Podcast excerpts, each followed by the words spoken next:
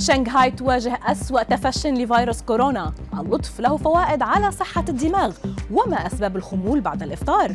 أبرز أخبار الساعة الأربع والعشرين الماضية في دقيقتين على العربية بودكاست أبلغت الصين عن ثلاث وفيات جراء كورونا في شنغهاي. من أولى الحالات التي يعلن عنها رسميا منذ بدء الحجر نهاية مارس في العاصمة الاقتصادية الصينية. شنغهاي تواجه أسوأ تفشٍ الفيروس منذ بداية الجائحة. فرض الحجر على جميع السكان البالغ عددهم نحو 25 مليون نسمة منذ مطلع أبريل. تشكل الحالات في المدينة معظم الإصابات المسجلة على مستوى البلاد مع أن الإغلاق ما زال مفروضا على معظم سكان شنغهاي.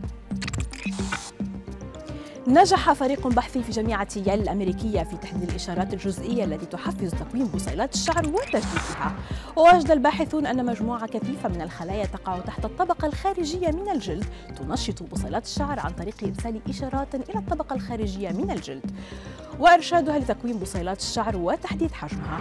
ومتوقع أن يكون هذا الإنجاز حاسما في تطوير علاجات جديدة لإعادة نمو الشعر. يبدو أن اللطف والطيبة لدى الإنسان لا يؤثران فقط على مشاعر المتلقي بل يمكن أن يكون لهما تأثير إيجابي وغير متوقع على صحة دماغ الشخص الذي أبدى هذه المشاعر أيضا. أظهرت دراسة أجريت بجامعة تكساس في دالاس أن كل من المرونة والتعاطف يتطلبان مهارات معرفية مثل الاستجابة الجيدة للضغوط أو التفكير في وجهات نظر مختلفة. لذلك فإن اللطف يمكن أن يؤثر على الوظيفة الإدراكية وصحة الدماغ بشكل عام. يعد الخمول بعد الإفطار من المشاكل الصحية الشائعة التي يعاني منها الكثيرون في شهر رمضان المبارك. ويعود ذلك لأسباب مختلفة أبرزها ثلاث هي نوع الطعام وحجم وجبة الطعام وقلة النوم في الليل بحسب ما أوضح مجلس الصحة الخليجي.